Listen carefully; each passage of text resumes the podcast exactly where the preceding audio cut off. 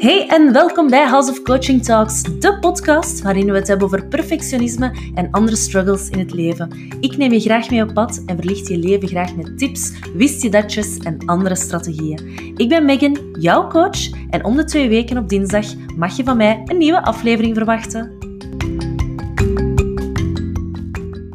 Net zoals je lichaam moet je geest na een tegenslag of zware inspanning de kracht vinden om door te gaan. Dat is de essentie van veerkracht. Niet dat je alles aan kunt. En dat is een quote um, dat ik gelezen heb in het boek Get a Grip van uh, Mira Huipens. Dat is een boek dat is uitgegeven bij Lano Campus. En ik heb Mira hier vandaag in, het, in ons midden. Uh, want Mira uh, is als gastspreker in de House of Coaching Talks podcast. En vandaag gaan we het dus hebben over onder andere veerkracht, over stress, over onrust, over angst. En hoe dat, um, ja, hoe dat de stimulatie van onze nervus vagus, een heel moeilijk woord, maar Mira gaat dat zoiets uitleggen wat dat juist is. Um, hoe dat, dat daar, ja, wat we kunnen doen om die te stimuleren, onze nervus vagus, om met stress om te gaan. Maar ik ga eerst het woord laten aan Mira. Um, voilà, welkom Mira. Uh, ik stel voor, stel jezelf eens even voor en dan uh, van daaruit gaan we verder.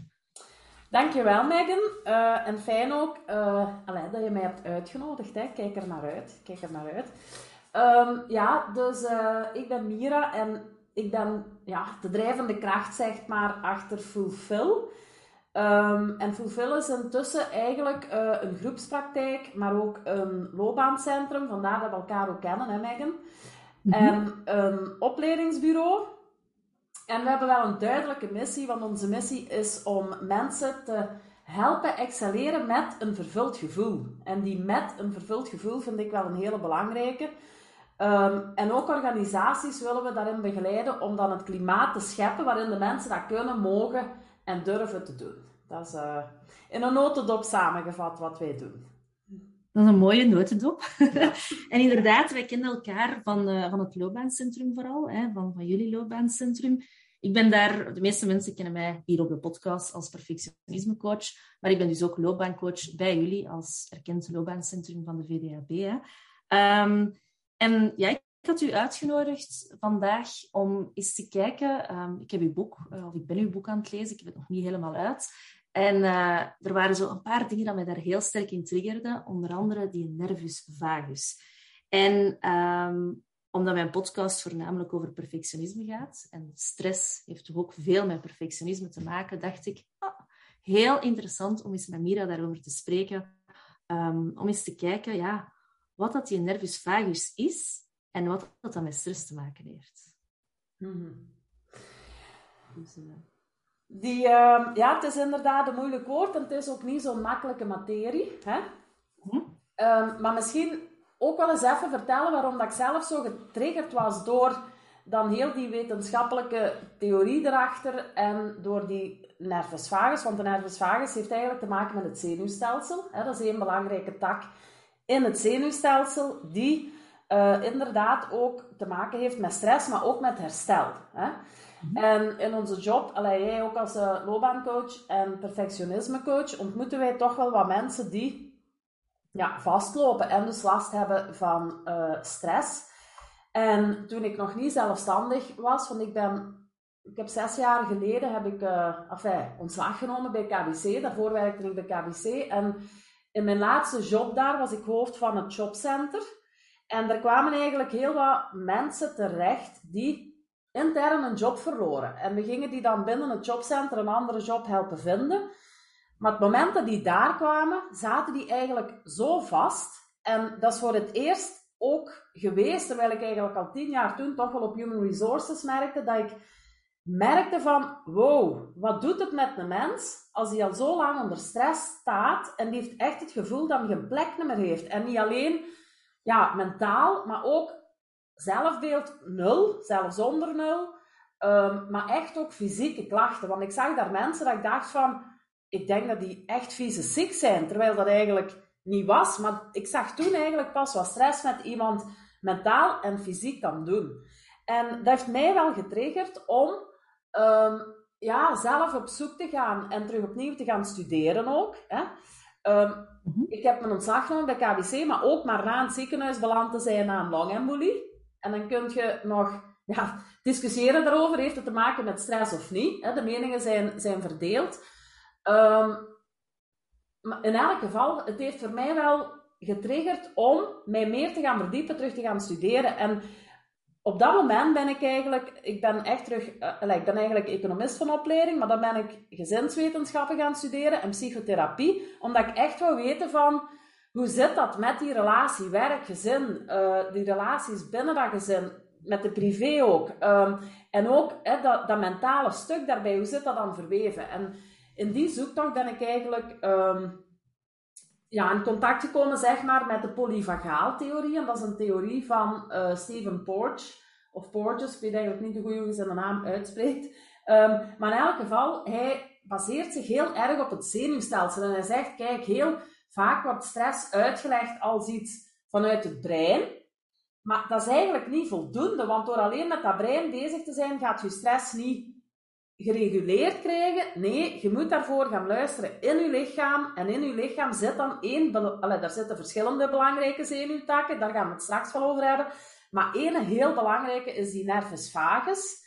En om daar u iets kunnen bij voor te stellen... Die nervus vagus is dus een zenuwtak die als je je hand op je hoofd legt, van achter aan je nek, hè, dan voelt je daar zo een gleufje.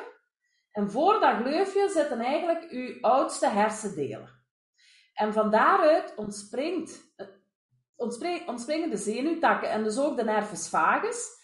En die gaat dan eigenlijk naar de voorkant van het lichaam. En die passeert de longen, die passeert het hart. En dan, bij wijze van spreken, zit hij daar zo een beetje te bengelen. En ze noemen die nervus vagus daarom ook wel de zwevende zenuw of de zwervende zenuw, omdat die, ja, die zo naar de voorkant van dat middenrif, en daar blijft die eigenlijk ja, zo ja, los, los hangen. Dus vandaar dat ze zeggen, die zweeft daar een beetje. Maar die heeft dus, dus die loopt eigenlijk, loopt die, die loopt vanuit uw dingen, vanuit uw schedel eigenlijk, de onderkant, over uw schouder dan, moet ik dat zien? Of, uh, die gaat die, weer ja, door de nacht dicht tegen uw nek. En zo gaat hij dan eigenlijk naar de voorkant van uw lichaam. Ja. Ja. ja, want in uw boek staan er hele mooie afbeeldingen, ook door uw zoon getekend, als ik ja, het ja. voor heb. Ja, mooi, wauw, wat een talent. Um, nee, hele mooie, duidelijke afbeeldingen van die nervus vagus, hè. Um, hoe dat eruit ziet. Maar ja, als mensen een keer even meedoen en ze voelen van aan hun hoofd tot aan hun borst, dan, of tot aan hun middenrif, dan, dan kunnen ze het zich ook misschien wel voorstellen. Hè. Ja, ja, mhm. en het is ook wel, hè, want straks gaan we het misschien ook hebben over een aantal technieken, hoe daarmee om te gaan. En dan is dat wel belangrijk om nu goed mee te nemen dat die ook wel passeert via het hart en de longen. Ja. ja. Dat, dat maakt ook dat we, dat we die kunnen activeren. Ja. ja. En dat is, dat is ook wel. Uh... Want waarom, waarom willen we die activeren? Wat, wat is er zo belangrijk aan een geactiveerde nervus vagus? Ja, um, die nervus vagus die gaan we activeren omdat dat helpt om stress te reguleren. En zelfs, enfin, men, men is nu bijvoorbeeld, want er zijn nu, men is nu pas gestart met allerlei onderzoeken er rond. En uh, men heeft bijvoorbeeld ook een onderzoek gedaan naar mensen die kanker hebben. En men ziet eigenlijk mensen die een goed geactiveerde nervus vagus hebben, um, ja, dat 30% van uh, mensen met kanker, dat die er eigenlijk beter reageren op die kanker en al de, de methodieken die men daarop toepast, maar eigenlijk door ja, dat die nervus vagus zo'n goede geleider is geworden. Ja. Dus die nervus vagus zorgt enerzijds voor um, herstel, voor rust en voor de regulatie van heel dat zenuwstelsel. Maar om daar een goed beeld over te hebben, moeten, moeten we dan eigenlijk het ook toch wel eens even hebben over die andere takken. Hè? Want er is niet alleen de nervus vagus, maar in dat achterhoofd ontspringen ook nog twee andere takken. En dat is eigenlijk um, een tak die ook in de achterhoofd ontspringt, maar die dan eigenlijk door um, ja, de hersenstam de brug maakt zeg maar, naar de wervelkolom. En dat is mhm. de sympathische tak die eigenlijk geactiveerd wordt als we stress hebben. Mm -hmm. Die zet u eigenlijk in spanning, die maakt u klaar als er een prikkel binnenkomt, dat je de stress gaat aankunnen. En je hebt waarschijnlijk... Is het dan, zo'n beetje de fight-flight? Ja. Is dat dat dan? Ja, dat is eigenlijk die tak die de fight-flight gaat um, stimuleren. En die Want eigenlijk kunnen we ook wel zeggen, mensen denken soms van, ja, stress is slecht. Ja, stress hoeft niet altijd stress te zijn, want als mens zijn we ook wel gemaakt om stress te hebben. Um, en als je zo stress ervaart, een beetje stress, Megan, wat voelde jij dan? Oh, ik zou dat dan, dat is precies dan zo adrenaline of zo. Zo'n beetje een hartslag dat sneller gaat, mijn ademhaling misschien. Uh, ik krijg daar ook rode vlekken van. Ja. ik weet niet of dat erbij hoort, maar ik krijg zo van adrenaline, ik krijg rode vlekken in mijn nek daarvan. Alleen of in mijn hals.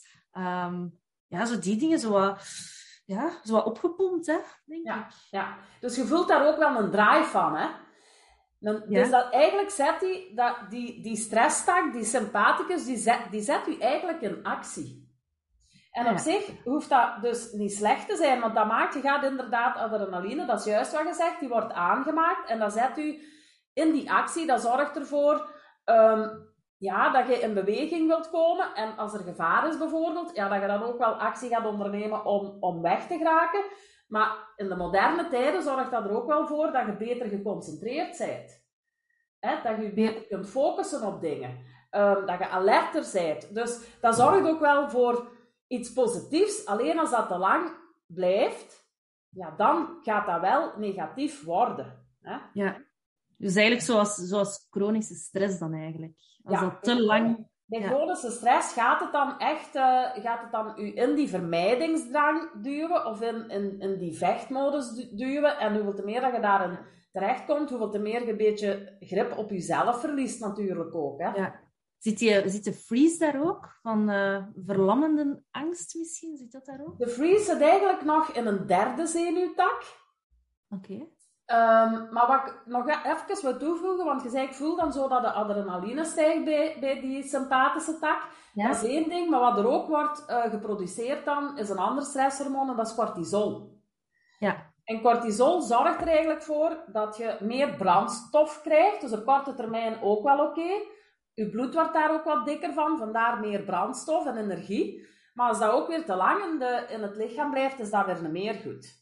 Hè? Dan, en, en dat breekt minder goed af dan adrenaline bijvoorbeeld. Hè? Ja. Dat is zoiets dat, als, dat ze wel kunnen zien, uh, de dokters, als je onder lange stress hebt gestaan, dat ze dat in je bloedresultaten kunnen zien, hè, hoe ja. dat je cortisol ja. staat. Cortisol ja. kunnen ze inderdaad uh, meten. En te veel aan cortisol, ja, dan gebeurt er ook van alles in de hersenen waar de communicatie tussen de verschillende hersencellen eigenlijk moeilijker verloopt. Omdat die cortisol daar begint tussen te komen. En dan, gaat je, hè, dan vallen er bepaalde dan zijn er bepaalde zaken die minder vlot verlopen, zoals helder kunnen nadenken, efficiënt kunnen mhm. werken, goede planning kunnen maken, u kunnen organiseren, coördineren, lange termijn uh, perspectieven zien, um, risico's juist kunnen inschatten, efficiënt werken. Dat zijn dan allemaal dingen die moeilijker beginnen te verlopen. Hè? Ja.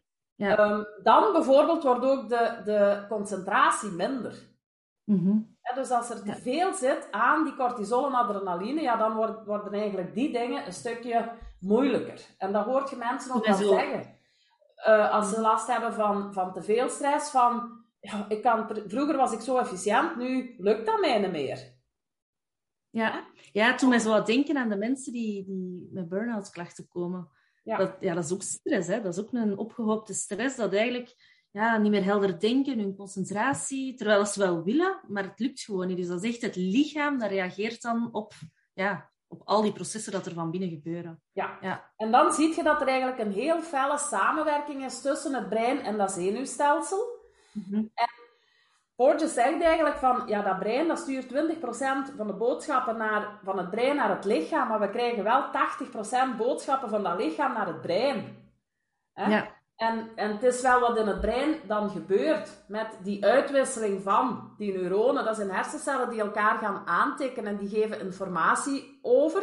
Ja, dat gaat gewoon minder efficiënt gebeuren. En dat maakt dus ook dat onze denkdelen in de hersenen, dat we die minder gaan kunnen gebruiken. Dus uh, concreet eigenlijk, ehm, want bijvoorbeeld mensen die last hebben van perfectionisme zitten heel veel in hun hoofd. Die negeren heel vaak hun lichaam. Dus wat dat er van binnen gebeurt, hè, vermoeidheidsklachten en die zaken allemaal.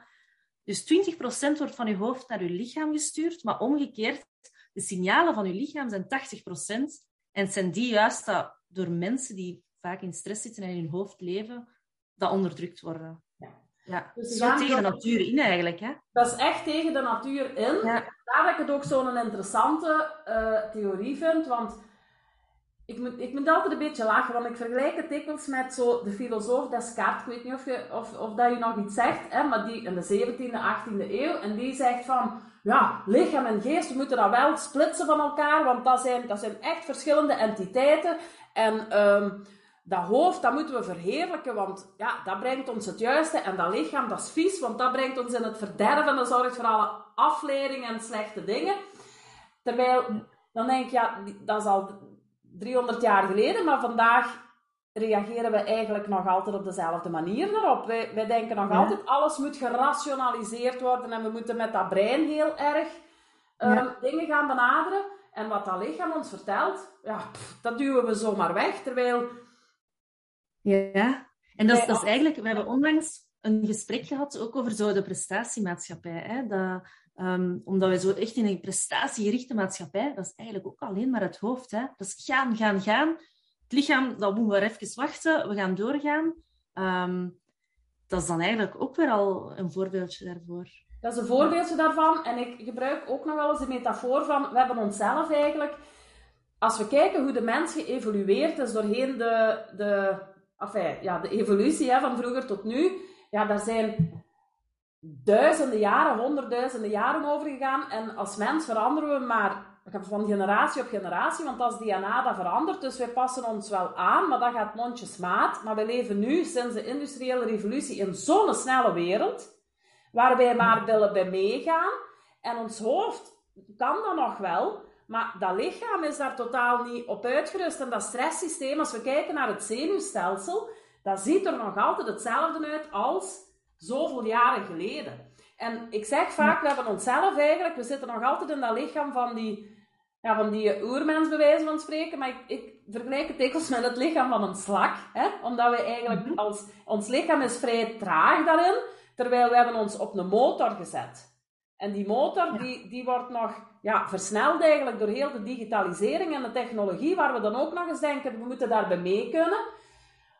Maar die slak, ja, we zetten die daar wel op, maar die kan die snelheid niet aan. Ja, ja. Dus we moeten echt, we moeten echt, en soms heb ik het gevoel dat we onze, onze route zo, ja, dat we die precies wat verloochenen en dat we daar terug meer respect voor moeten krijgen. En dat vind ik wel dus de goede aan die polyvagaaltheorie met, met uh, Porges, die daar, ja, die daar toch wel de aandacht op vestigt, maar die dat ook wel heel wetenschappelijk laat zien. want je mhm. zei daar straks die freeze, ja, waar zit dat dan? Ja, dat is eigenlijk nog een derde zenuwtak en dat is eigenlijk de oudste die er is. En die oudste, die vertrekt ook vanuit de oude delen van de hersenen, dus ook vanuit die hersenstam. Maar ik heb daar straks gezegd... Ehm, sorry dat ik even onderbreek, maar dat, dat ik helemaal mee ben. Hè. Dus we hebben er drie. Eén is de nervus vagus, één is de parasympathische. Nee. Ja? De orthosympathische. en de derde, dat is een deze dan. Ja. De derde is de deze, en dat maakt het nu een beetje ingewikkeld, want die derde is ook een stuk van de nervus vagus, maar het oude stuk. Dus ik heb daar straks gezegd, je hebt de nervus vagus die eigenlijk in die hersenstam ontspringt en die gaat naar de voorkant van het lichaam tot aan, de, tot aan het middenrif. En dat is de nieuwe. Als we evolutionair kijken, dan is die eigenlijk het laatst gekomen. En mhm. die, we noemen dat de ventrale as van de nervus vagus. Maar heel vroeger, de eerste zenuwtak, was eigenlijk het oude deel. En dat is de dorsale as. En waarom? Omdat die eigenlijk net voor de ruggengraat gaat. Hè, dus die ontspringt ook van achter in die hersenstam. En dan gaat die eigenlijk langs de ruggengraat naar beneden, helemaal naar beneden in het lichaam, tot aan ja, de aars eigenlijk en de blaas. En al die zenuwtakken die zijn wel, hoe moet ik dat zeggen, geconnecteerd met, met allerlei organen. Maar je merkt wel zo dat die toch wel alle drie een eigen baan volgen. En die oude tak, die zorgt er eigenlijk voor dat uh, als stress te lang duurt, dat we eigenlijk in die vriestoestand komen. Dus Porges zegt, heel dat zenuwstelsel, als we evolutionair kijken, is dat in verschillende stappen ontwikkeld. De reptielen hadden al die freeze-as. Daarna is dan die uh, orthosympathicus gekomen, die ja, eigenlijk evolutionair stelde, als er gevaar komt en we gaan doen alsof we freezen en bij gevolg mm doen alsof we dood zijn, dat is misschien toch niet goed genoeg. We moeten ook wel ja, gaan vluchten. Worden. Ja, of gaan vechten. Um, dan is die er gekomen. En daarna is er dan die nieuwste tak gekomen, waarbij men zegt van, ja, evolutionair gezien, onze overlevingskansen, die gaan misschien nog wel vergroten als wij ons sociaal gaan gedragen, als wij ons gaan verbinden met anderen. Uh, en dat maakt eigenlijk dat die, dat die nervus vagus er gekomen is, die dus langs het hart gaat en langs de longen, maar die ook, en dat is een hele belangrijke, op een bepaald moment geconnecteerd is met hersenen in, met zenuwen in de hersenen. Mm Zenuwen in de hersenen, die um, maken eigenlijk dat wij gericht zijn op anderen. Dus je zou kunnen zeggen, wij zijn ja, eigenlijk echt wel gedesigned vanuit ons lichaam om te verbinden met anderen. We gaan dat niet zomaar doen, want die hersenzenuwen die zijn ook geconnecteerd met, het, met de ogen, met de oren, met de uh, spieren van, van het middengezicht. En dat maakt eigenlijk dat wij ook wel, want safety first, zo is ons lichaam ontwikkeld. Hè? En als wij ons gaan verbinden met anderen, dan gaan we dat doen bij mensen waarvan we ook vinden van, ah ja, die kijkt vriendelijk naar mij. Hè? Um, die praat vriendelijk. Dus die lacht. Allee, dat zijn allemaal dingen waarvan we dan voelen van, dat is veilig. Oh, we gaan daarmee verbinden. We gaan daarmee samenwerken. Dus die verbinding, we zijn daar heel erg op, op gericht ook, vanuit die nieuwste tak van de nervus vagus, die eigenlijk ook verbonden is met dat stuk in de hersenen. En Porges zegt, als er stress komt, dan gaan wij eigenlijk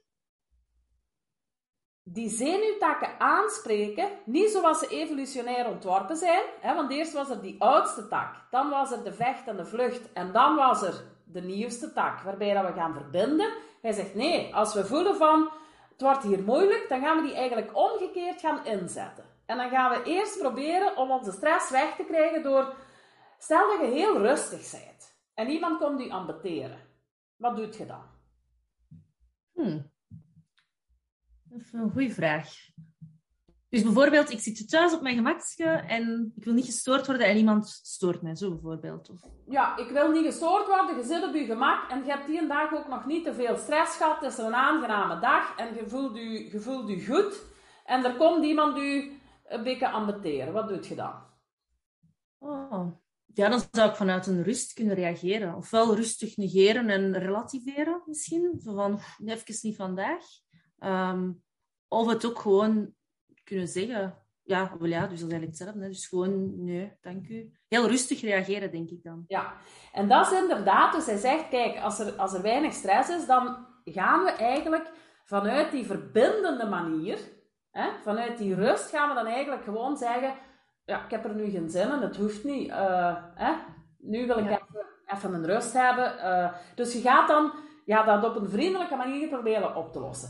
Als je merkt dat dat niet lukt, en ze blijven u irriteren, ja, dan, gaat dat, dan gaat dat ander systeem worden ingeschakeld. En dan gaat het ofwel lastig worden, geïrriteerd, en ja, het alles wat hè, feller zeggen.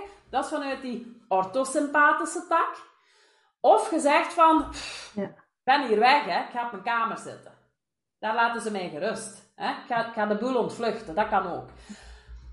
Maar als ze u blijven en blijven en blijven koeieneren en je merkt van, dat, dat lost hier niet op, ja, dan kan het zijn dat je gewoon, dat je niks kunt veranderen aan de situatie, maar je raakt ook niet weg uit die situatie. En dan eigenlijk begint pas dat free-systeem zich te manifesteren. Dus doet er, de, de manier waarop dat je reageert vanuit stress, heeft al heel veel te maken met ja, hoe fel is die stress al gevorderd en welke systemen zijn eigenlijk al actief, hè? dominant. Ja, en klopt het dan? Want uh, sommige mensen zeggen van zichzelf: uh, Ik ben eerder iemand dat gaat freezen, ik ben eerder iemand dat gaat vluchten, ik ben eerder iemand dat gaat vechten. Is dat dan eerder een, ja, wat dat ze denken over zichzelf? Maar klopt dat dan niet helemaal? Het heeft er misschien mee te maken hoeveel stress is er zich al opgebouwd. Um, ja. En het kan ook wel te maken hebben met trauma's al. Zijn er in de jeugd mhm. bijvoorbeeld trauma's geweest, dan kan het daar zijn ja, dat dat stresssysteem al zo um, uit balans is, zeg maar, dat die freeze-reactie heel fel of heel snel geactiveerd wordt. Als dat niet het geval is, dan gaan mensen eigenlijk toch wel doorheen die drie stappen gaan. Wat wel zou kunnen, is dat je vanuit je temperament, bijvoorbeeld bij die um, orthosympathicus, ga ik vechten of ga ik vluchten?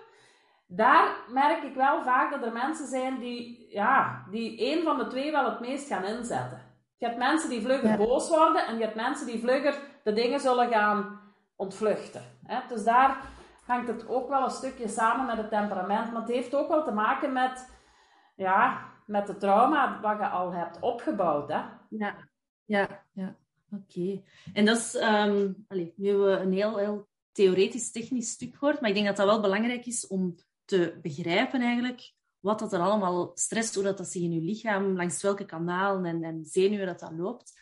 Um, maar ik had, ik had ook eens ergens gelezen, um, als we het dan zo wat praktischer maken, van ja, je kunt dat zo'n beetje zien, um, de nervus vagus als je stress reset knop. Klopt dat? Zie je dat ook op die manier? Of, uh... Ja, ze noemen dat de stress reset knop, omdat door die nervus vagus gaan te activeren, dat was daar straks eigenlijk uw vraag ook, hè, waarom, zouden we, waarom zouden we die gaan activeren? Um, als we die gaan activeren, dan brengt die ons wel terug tot rust. Ja. Hè? Door die eigenlijk te gaan activeren, en we doen dat bijvoorbeeld, een veel uh, gebruikte techniek is ademhaling. Waarom ademhaling? Want dat klinkt, dat klinkt als iets heel banaals eigenlijk. Um, maar ik heb daar straks gezegd, die, die nervus vagus die loopt door de longen. Uh, sorry, door het hart en, en daarachter liggen uh, de longen. Dus we gaan eigenlijk met de ademhaling vanuit die longen, de hartritme gaan. Het hartritme, variabiliteit zijn allemaal moeilijke termen vandaag. Daar gaan we proberen um, invloed op uit te oefenen. En als die in een bepaald ritme komt, dan gaat die eigenlijk, die nervus vagus, ja, activeren. En die nervus vagus geeft dan weer boodschappen vanuit het lichaam naar de hersenen. Het loopt hier allemaal oké. De opdracht die jij daar geeft om stresshormonen aan te maken, dan mocht je stopzetten. Want dat is niet nodig. Het voelt hier helemaal zen van binnen. Dus laat maar weten daarboven dat het hier allemaal oké is. Dus in die zin kun je zeggen dat is een resetknop je lichaam dat eigenlijk zegt, ho, hoofd, even stoppen, alles is in orde, dat eigenlijk zo'n signaal geeft. En, ja. en dat is eigenlijk dan uw, uw ademhaling. dat is een van de technieken. Ik denk dat er nog zijn dan. Um, dus de ademhaling, dat daar wel bij kan helpen om terug dat hartritme in orde te krijgen. Dus eigenlijk staat dat dan ook haaks op wat ik daar juist zei van... Um, of haaks op, het, het, tegengif voor wat ik zei, van als ik stress krijg, ja, uw ademhaling begint te gaan. Ja. eigenlijk ook daar terug dat te counteren. En niet alleen je ademhaling, want als je stress krijgt, um, dan gaat je hart sneller kloppen. Je gaat ook meer, je gaat korter ademen. Dus dat zit allemaal, je gaat ademen met het bovenstuk van je lichaam eigenlijk. Terwijl als we zeggen, die nervus vagus moet geactiveerd worden en we gaan dat doen met ademhaling, gaan we ook heel erg proberen met de buik te ademen. Zodat er heel veel ruimte eigenlijk in dat lichaam komt. Um, en dat maakt inderdaad dat je op een andere, dat de hart, dus de hartslag gaat ook langzamer gaan. Hè? Je, gaat, je gaat dat ritme naar omlaag halen, je gaat trager ademen.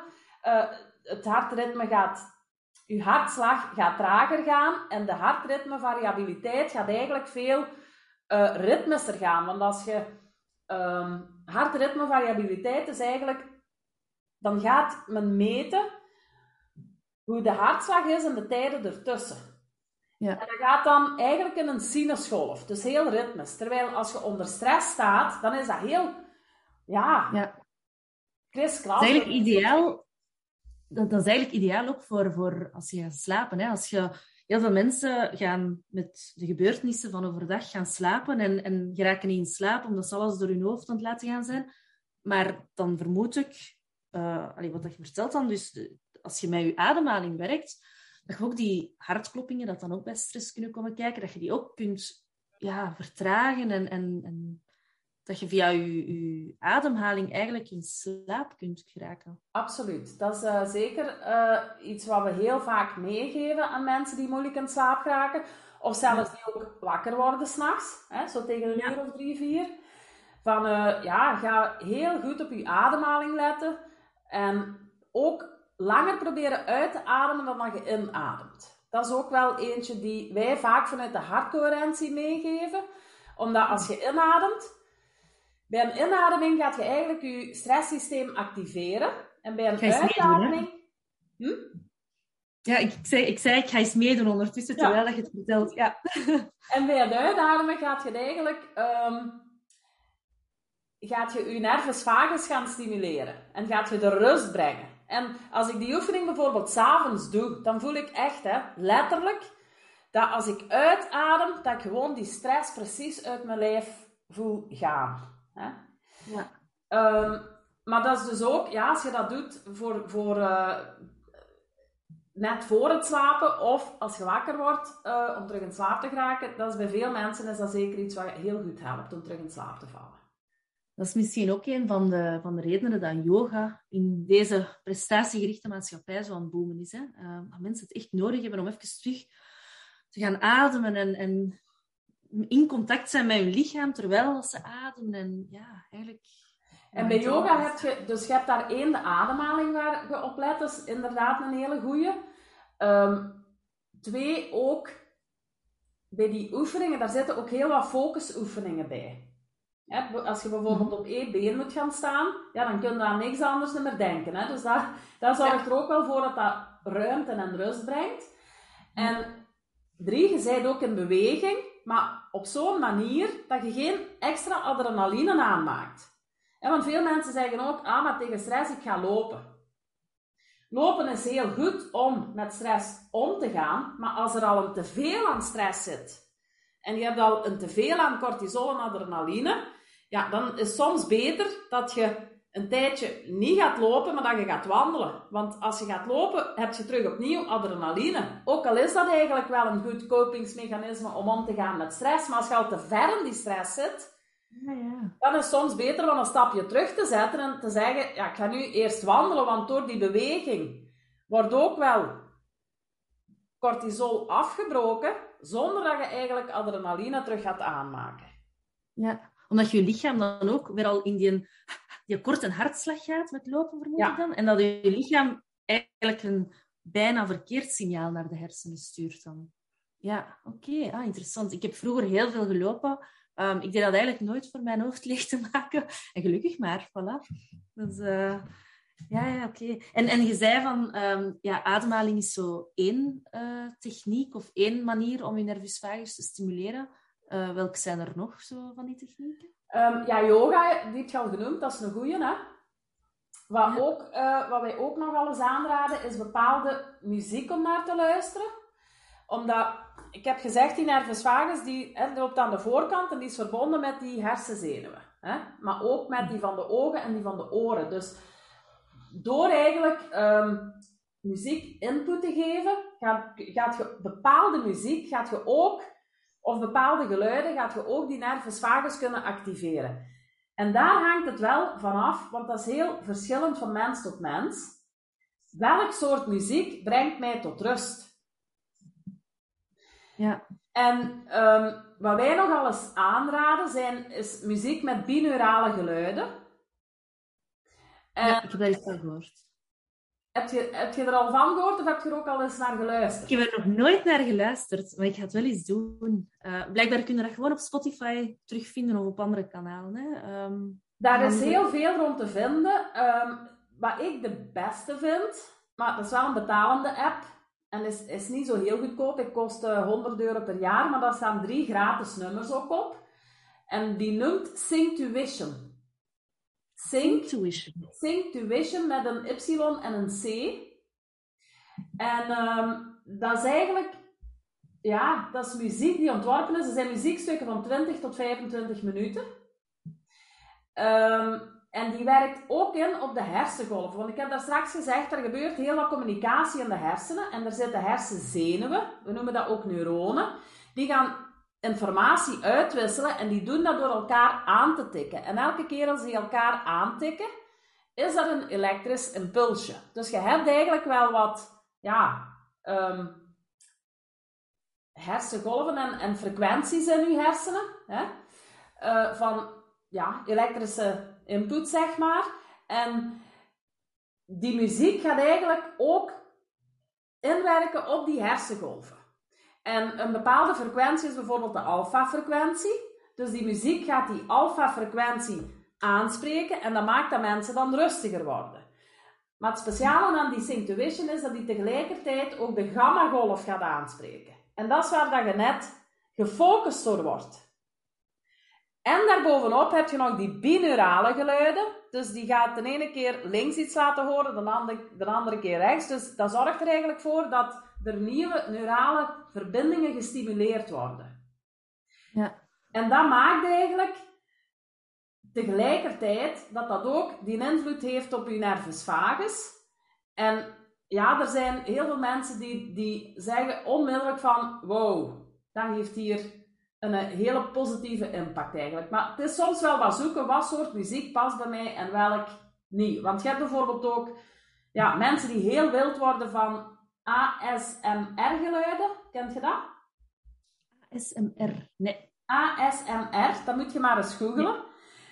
Maar daar is heel veel um, intussen ook wel kaf tussen het koren te vinden, want heel veel mensen hebben gezien, oh, daar kan ik geld mee verdienen. En die beginnen dat dus zelf ook te doen. En dat zijn allemaal geluiden die, um, bijvoorbeeld, dat kan zijn een krakend geluid, of zo, dat ze met hun handen over de microfoon gaan. Ja. Allemaal specifieke geluiden. En dat, heel veel mensen vinden dat ook rustgevend. Maar er zijn ook geluiden die, u, uh, allez, die andere mensen dan weer de, de gordijnen injagen. Dus dat is ja. erg zoeken, wat past eigenlijk bij mij? Ja, ja wat je juist deed, dan dacht ik, ah, dat past niet bij mij. Ja, voilà. Hè? Dus dat is inderdaad, dat is heel erg zoeken van wat van die geluiden uh, ja, past ja. Maar de jeugd, allez, ik heb hier heel wat jongeren, die zijn daar wild van. Ja. Maar ik vermoed dat het ook wel met, met gewone muziek... En ik kan me inbeelden, als ik bijvoorbeeld een, een zware dag heb gehad, ofwel neig ik dan naar heel zachte, melancholische, zo hele triestige muziek, van die ballades. Um, of als ik zo mezelf moet oppompen, dat ik zo denk van, kom aan, Megan, hup. Dan, uh, dan luister ik naar van die harde muziek, zo rock en, en die dingen. Omdat dat ook ergens op mijn gemoed inspeelt. Absoluut. ook in, dat is ook een beetje hetzelfde systeem dan? Hetzelfde systeem. En uh, met die zachte muziek gaat je inderdaad ook meer die nervus vagus gaan stimuleren. Dus dat brengt ook weer rust. Met die andere muziek gaat er ook een stukje terug die um, orthosympathische tak die u in actie zet gaan stimuleren. Ja. ja. Maar dat is wat we daar straks gezegd hebben. Stress, we noemen dat dan stress, maar eigenlijk gaat dat ook over actie, hè? Ja, ja, ja. ja. Dus die mag ook wel gestimuleerd zijn, want Enfin, ik heb het, het stuk uitgelegd, dat theoretisch stuk, en het was, je ziet, dat is niet zo simpel, die, die uh, theorie erachter. Maar het is nog een stukje ingewikkelder, omdat je hebt die drie takken, en die drie takken, die gaan ook samen geactiveerd kunnen zijn. Wat eigenlijk maakt dat je in zeven verschillende toestanden kunt terechtkomen. En als je zegt van, ja, ik wil dan zo er tegenaan gaan, of uh, je bent bezig met iets wat je zegt van, wow, hier zit ik echt in een flow en ik heb daar plezier aan, ja, dan zijn eigenlijk meerdere van die takken geactiveerd. Dus ja. het kan zowel zijn dat je nervus vagus geactiveerd is als je, als je orthosympathicus, en dat is oké, want dan heb je ook wel plezierende dingen. Ja, ja, ja. Oké, ja. En, en um, ja, dus we hebben, dat, we hebben muziek, we hebben yoga, we hebben uh, ademhaling. Zijn er nog zo zaken? Dat je op uh, dagdagelijkse basis kunt inzetten om, om die meer te stimuleren? Bewegen is een hele goede, en dan hebben we het vooral over wandelen. Uh, wandelen, als je echt tot rust wilt komen, gaat het dan over wandelen alleen in de natuur. En bij wandelen, we hebben het ook gehad over die binaurale geluiden. Maar als je in de natuur zijt, heb je ook automatisch binaurale geluiden. Want je hoort daar eens een vogeltje fluiten, dan daar weer, dan daar weer, dan daar weer. Ehm, plus, als je aan het wandelen bent naar het schijnt, gaan je ogen ook automatisch zo meer van links naar rechts. En dat is ook ja. bilateraal. En bilateraal, men weet eigenlijk nog niet precies te goed hoe dat werkt in de hersenen. Maar er wordt heel veel toegepast. Die bilaterale oogbewegingen bijvoorbeeld, EMDR, ik weet niet of je daarvan gehoord hebt, dat is hè, die wordt echt toegepast bij traumabehandeling. Maar bij het wandelen gaat je eigenlijk automatisch ja, die beweging wel wat maken. En ook je benen, ja, de ene dan het andere. Dus dat is ook bilateraal. Ik las onlangs nog ergens een artikel, een artikel waarbij ze zeiden, ja, wandelen is eigenlijk de manier om dingen op te lossen. Hè? Als je... Ja, en het is nu met de corona, het lijkt alsof dat heel de wereld, hè, we zitten er nog altijd in, dus dat, dat heel de wereld aan het wandelen is. Maar het heeft dan toch... Uh... In het begin dacht ik, alleen iedereen is aan het wandelen, niemand heeft iets te doen. Maar de mensen zijn het blijven doen, omdat het gewoon echt, ja, wel een, een, een kalmerend effect heeft. Hè. Ehm, en de stimulatie van de nervus vagus. Absoluut. Ja. Absoluut. Oké. En kunt je dan nu bij jezelf... Um, als, als je bijvoorbeeld de mensen die nu aan het luisteren zijn, kunnen zij nu op dit moment bij zichzelf uh, nagaan van in welke mate is mijn nervus vagus gestimuleerd of niet. En wat kun je dan merken? Dat is een moeilijke, omdat je in, in die zeven verschillende toestanden kunt zitten.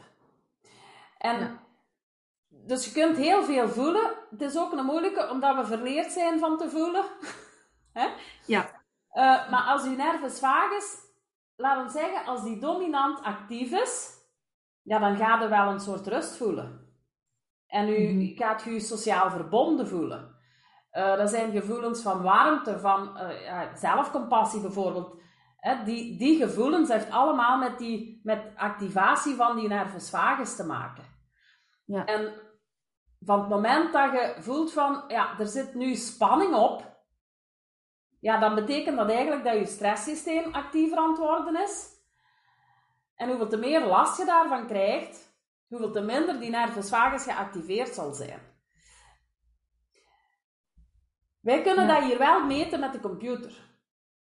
Ah ja, er zijn uh, manieren voor. Ja, dus echt te kijken van uw nervus vagus, letterlijk de zenuw. Het is vooral de stress wat er meet. Dus die gaat, ja, de nervus, dus die gaat eigenlijk meten hoeveel stressniveau is er en hoe mm kom je eigenlijk in dat, in dat helende, rustige herstelniveau, zal ik maar zeggen. En door dan een bepaald ademhalingsritme te doen, zien we ook dat, allee, dat is zo, dat is een systeem en dat gaat echt meten, dat is een rood buisje, een blauw buisje en een groen buisje. En als dat groen eigenlijk omhoog gaat, dan voelen mensen ook van, wow, ik word inderdaad wel rustiger van binnen.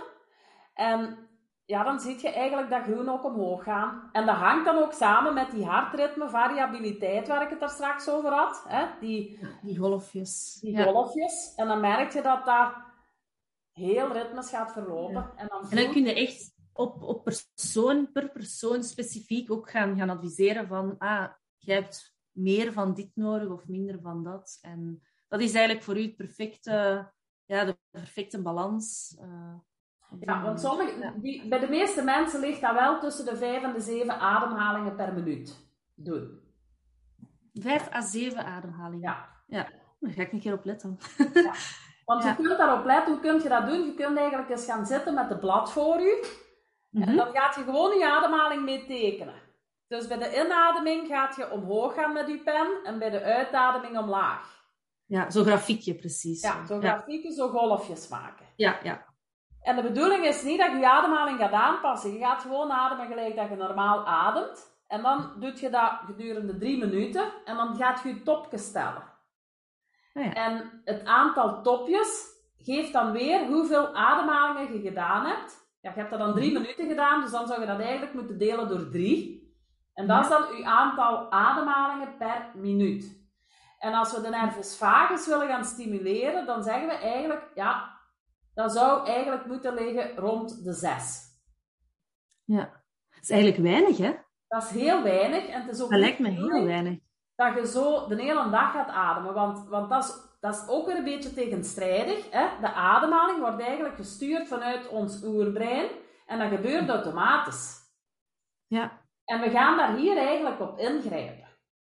Ja. Dus ja, maar ik moet wel zeggen, ik heb, ik heb wel, sinds ik zo ook een beetje probeer te letten op mijn ademhaling, ehm, dat ik vaak mezelf betrap dat ik heel snel aan het ademen ben. En dat ik gewoon niet door ben, hè, dat ik heel rustig ergens zit. Allee, het zal niet zo rustig zijn, maar dat ik ergens zit en ik merk, oei, amai, een keer diep inademen. Um, en dan mij dat echt opvalt, hoeveel, daarmee dat ik ook zeg, maar dat is weinig, uh, vijf à zeven. Ik denk dat ik er twintig doe op de minuut. Nu, de meeste mensen zitten rond de 12, 14 en dat is oké, hè? Ah ja. Ja, hè? dus niemand ademt aan zes ademhalingen per minuut. Dat, dat is gewoon, dat is ook niet nodig. Eigenlijk zeggen we, kijk, als je, als je nervus vagus wilt gaan activeren, dan Kunt je dat, want dat is ook een belangrijke, als je die ademhalingsoefeningen doet, dat je dat proactief doet. En dan zeggen we, je zou dat best drie keer per dag doen gedurende zes minuten. Mhm. En in, in die tijden doe je dat dan zes ademhalingen per minuut. Ja. Maar dus het is niet de bedoeling dat je dat een hele dag gaat doen. Want dan begint ah, je op die manier. Ja, ja. Ja, dat je eigenlijk blokken inbouwt in je dag om elke keer tussen je normale ademhaling, als ik het zo mag noemen, even rustig gaat ademen om, ja, ja, om die baseline eigenlijk omlaag te krijgen. Ja, en we zeggen van, ja, de bedoeling is eigenlijk dat je dat proactief doet en niet reactief. Want heel veel mensen zeggen, ah ja, ik heb dus een stressje, hè? gelijk dat ze een hongertje hebben. En uh, in plaats van dan iets te eten bij een stressje, gaan ze dan een ademhalingsoefening doen ja, dan word je ook wel rustiger. Hè? Dus dat is reactief.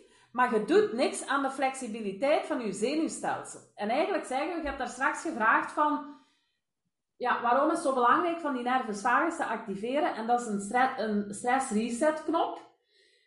Maar wat veel belangrijker nog is, is dat door regelmatig die nervus vagus te gaan activeren, dat je daardoor flexibel gaat kunnen switchen tussen die drie zenuwtakken. Daar gaat het eigenlijk over. Want die flexibiliteit, dat is eigenlijk wat veerkracht, wat veerkracht is. En je bent begonnen met de quote uh, vanuit het boek. Veerkracht gaat er eigenlijk over dat je, dat je heel vlug kunt switchen tussen die verschillende takken.